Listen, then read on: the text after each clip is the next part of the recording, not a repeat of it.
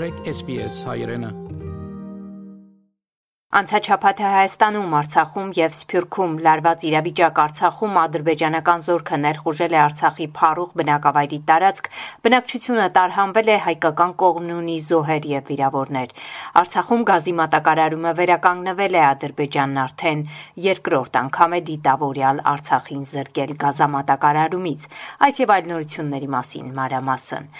ԵՀԿ գործող նախագահ Լեհաստանի արտաքին գործերի նախարար Զգիբնև Ռաուն մարտի 29-ից ապրիլի 1-ը կայցելի Վրաստան, Ադրբեջան եւ Հայաստան բարձր մակարդակի պաշտոնյաների հետ հանդիպումների համար Հայաստանում կհանդիպի նախագահ Վահագն Խաչատուրյանի, վարչապետ Նիկոլ Փաշինյանի եւ արտգործնախարար Արարատ Միրզոյանի հետ։ Այցի օրակարգում տարածաշրջանային խաղաղությունն է եւ կայունությունը։ Հայաստանի Հանրապետության անվտանգության խորհուրդը կայացած նիստում քննարկել է Լեռնային Ղարաբաղի շուրջ ստեղծված անվտանգային իրավիճակը, այն գնահատելով խիստ լարված։ Իրադրության վերլուծությունը ցույց է տալիս, որ Ադրբեջանական Հանրապետությունը փորձելով գտնել մտածածին հիմնավորումներ, հող է նախապատրաստում Լեռնային Ղարաբաղի ուղղությամբ նոր սադրանքներ եւ հարձակում սկսելու համար, այդ թվում Հայաստանի Հանրապետությանը մեղադրելով խաղաղության պայմանագրի հարցում ապակառուցողական գործողություն բանակցությունների մեջ։ Հայաստանն Ադրբեջանին առաջարկում է անհապաղ բանակցություններ սկսել համապարփակ խաղաղության պայմանագրի շուրջ, նշվել է անվտանգության խորհրդի նիստում։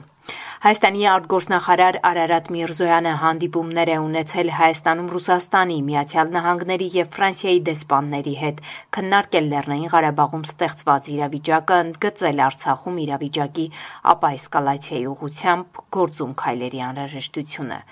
Լարված իրավիճակ է Արցախում, իրադրությունը կտրուկ սրվել է մարտի 24-ից, երբ ադրբեջանական զինուժը խախտել է շփման գիծը Ասկերանի շրջանի Փարուխ համայնքի ուղությամբ։ Ադրբեջանական կողմի գործողությունների հետևանքով Պաշտպանության բանակի 3 զինծառայող է զոհվել եւս 15-ը վիրավորվել են։ Մարտի 28-ին ադրբեջանական 3 դիտարկման կետ է հայտնվել ռուսական խաղաղապահության պատասխանատվության գոտում Արցախի Ասկերանի շրջանի Փարուխ գյուղի շրջակայքում, մինչդեռ Արցախում տեղակայված ռուսական խաղաղապահ զորախմբի տեղեկագրում նախորդին ներկայացվել էր, թե բանակցությունների արդյունքում ադրբեջանական կողմն իր զորքերը դուրս է բերել նշված տարածք տարածքից։ Հայաստանի տարածքային կառավարման եւ ենթակառուցվածքների նախարար Գնել Սանոսյանն ասում է. Մի բան հստակ է, նոյեմբերի 9-ի այն դիրքերով, որ կանգնել էին, այդ դիրքերը խախտվել են թե գյուղի, թե բարձունքի ուղությամբ եւ կարծում եմ բոլոր կողմերը պետք է ամեն ինչ անեն, որպիսի ադրբեջանական զինվորները վերադառնան իրենց ելման դիրքեր։ Սա շատ հստակ է։ Անցած շաբաթ գազամատակարարումը վերականգնվելուց շատ չանցած ադրբեջանական կողմը փակել է իր վերահսկողության գոտով անցնող Արցախ Հայաստանից գազ հասցնող գազատարի փականը եւ օրեր շարունակ Արցախում կրկին գազ չկար այսօր արդեն փականը բացել է։ Վարչապետ Նիկոլ Փաշինյանն անցած շաբաթ կառավարության նիստում անդրադարձել է խնդրին։ Սա տեղի ունեցել Ադրբեջանի միջամտության արդյունքում։ Ինչպես գիտեք, մարտի 7-ին Արցախին մատակարարող գազատարը պայթեցվել էր Ադրբեջանի վերահսկողության ներքո գտնվող տարածքում։ Ամենատարբեր պատրվակներով Ադրբեջանը թույլ չէր տալիս գազատարի վերանորոգումը եւ ի վերջո ինքը նորոգեց։ Արդյունքում մեր տեղեկություններով գազատարի վրա տեղադրվել է փական։ Եվ ահա մարտի 18-ին 11 օր անց 4 օրով Արցախի գազամատակարարումը վերականգնելուց հետո Ադրբեջանը մարտի 21-ին արդեն առանց պայթյունների պարզապես փակել է գազատարի փականը այդպիսով ապացուցելով, որ ինքն է հեղինակել նաև մարտի 7-ի պայթյունը։ Նիկոլ Փաշինյանը շեշտել է. «Շատերն այս իրադրությանն արձագանքում են՝ հիշեցնելով և քննադատելով մեր երկրի և տարածաշրջանի համար խաղաղ զարգացման դարաշրջան բացելու մեր որդեգրած քաղաքականությունը»: Բայց ուզում եմ աներկբա արձանագրել, որ մեր որդեգրած այդ քաղաքականությունը այլընտրանք չունի: Հայաստանի կառավարության ղեկավարը հիշեցրել է գազատարի պայթյունից հետո մարտի 10-ին Հայաստանի Հանրապետությանն է փոխանցվել Հայաստանի եւ Ադրբեջանի հարաբերությունների կարգավորման 5 կետանոց առաջարկ։ Մենք շատ արագ մարտի 14-ին գրավոր արձագանքել ենք այդ առաջարկներին եւ դիմել ենք ԵԱԿ Մինսկի խմբի համանախագահող երկրներին եւ խնդրել ենք աջակցել Հայաստանի եւ Ադրբեջանի միջև խաղաղության բանակցություններ կազմակերպելու հարցում։ Վարչապետը անդրադարձել է նաև նրան, որ իշխանությունների հայտարարությունից դժգոհ է հայաստանյան արմատական ընդդիմությունը եւ ընդգծել է. որը մեզ քննադատում է, թե համաձայնել ենք տարածքային ամբողջականության սկզբունքը ընդունել որպես հարաբերությունների կարգավորման սկզբունք։ Այս քննադատությունը առավել քան տարօրինակ է, որովհետև 1999 թվականի նոյեմբերի 19-ին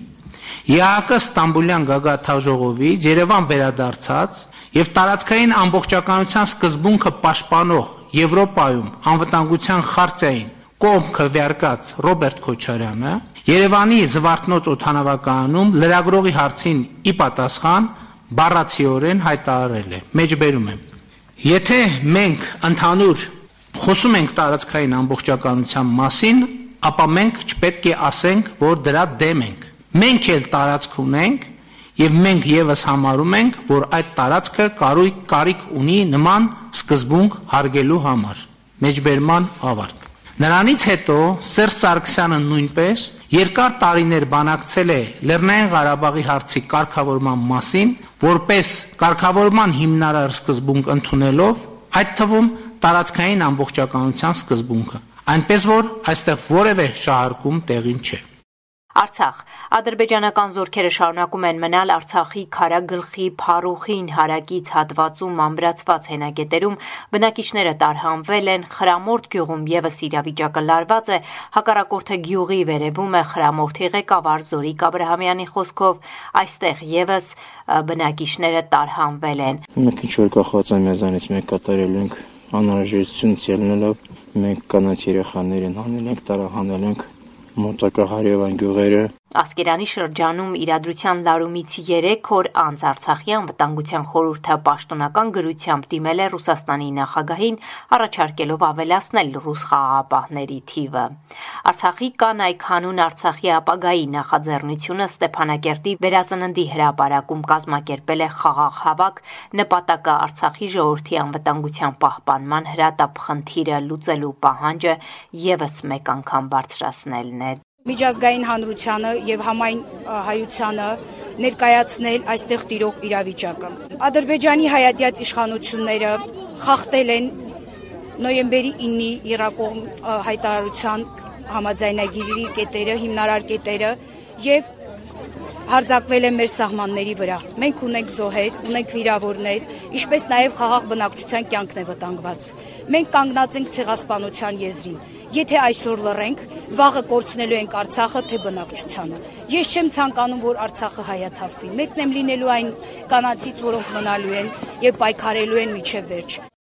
Սփյուռք Ուկրաինայում ծավալվող ռազմական գործողությունների լույսի ներքո Հայաստանի արտգործնախարարի հրամանով Մոլդովա է գործուղվել արտգործնախարարության ներկայացուցիչը, որը Մոլդովայում ապաստանող եւ երկիրը տարանցող Հայաստանի քաղաքացիներին եւ ազգությամբ հայերին արտակարգ ռեժիմում ցուցաբերել է հյուպատոսական խորհրդատվական կազմակերպչական տարաբնույթ աջակցություն։ Ավելի քան 1 ամիս Ուկրաինայում շարունակվող ռազմական գործողությունների էպիկենտրոնում գտնվող մի քանի քաղաքներում կրթական պրոցեսը վերականգնվել է Խարկովի հայկական դպրոցի տնորեն եւ տեղում Հայաստանի հյուպատոսարանի աշխատակցուհի Մետաքսի Ավակյանը հանրային ռադիոին պատմել է, որ քաղաքում իրավիճակը համեմատաբար կայուն է եւ դպրոցներում վերականգնվել է դասապրոցեսը առայժմ հերավար։ Նույնիսկ Կիևում է վերականգնվել ուսումնական պրոցեսը ինստիտուտներում, դպրոցներում Մենք ունենք հայկական դպրոց, որտեղ հարյուց ավել աշակերտներ են, երեխաների ընտանիքներին ոչինչ չի եղել, բոլորը տեղում են։ 70%-ը Խարկովի մարզում Ուկրաինայում են գտնվում, 30%-ն են դուրս եկել Եվրոպա, բոլորի հետ կապ ունենք Ուկրաինայի հայերի միության նախագահ Դավիթ Մկրչյանն ասում է. «Շաբաթ օրը մարտի 26-ին Մարիուպոլից, որը ռմբակոծությունների տակ է, հումանիտար միջանցքներով շուրջ 4000 մարդ է դուրս եկել, այդ թվում հայեր»։ Պատմում է իրավիճակը Մարիուպոլում վերջին օրերին չի փոխվել հոսք կա, մարդկանց թողնում են, ով հնարավորություն ունի, ով առելիքի հարցալուծում կամ Զապորոժիայից կամավորներ գնում են եւ փորձում են տարհանել այնտեղի ժողովրդին։ Նրանց մեջ կան նաեւ եւ հայեր, մենք ուրախանում ենք ամեն հայ ընտանիքի, որ դուրս են գալի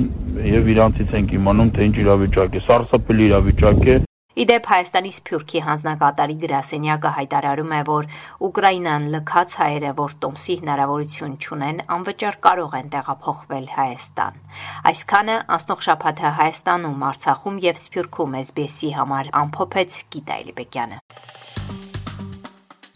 Հավնե, լայք, բաժնեկցե, դարձիկը թայտնե, հետեւե SBS հայրենին թիմադեդի վրա։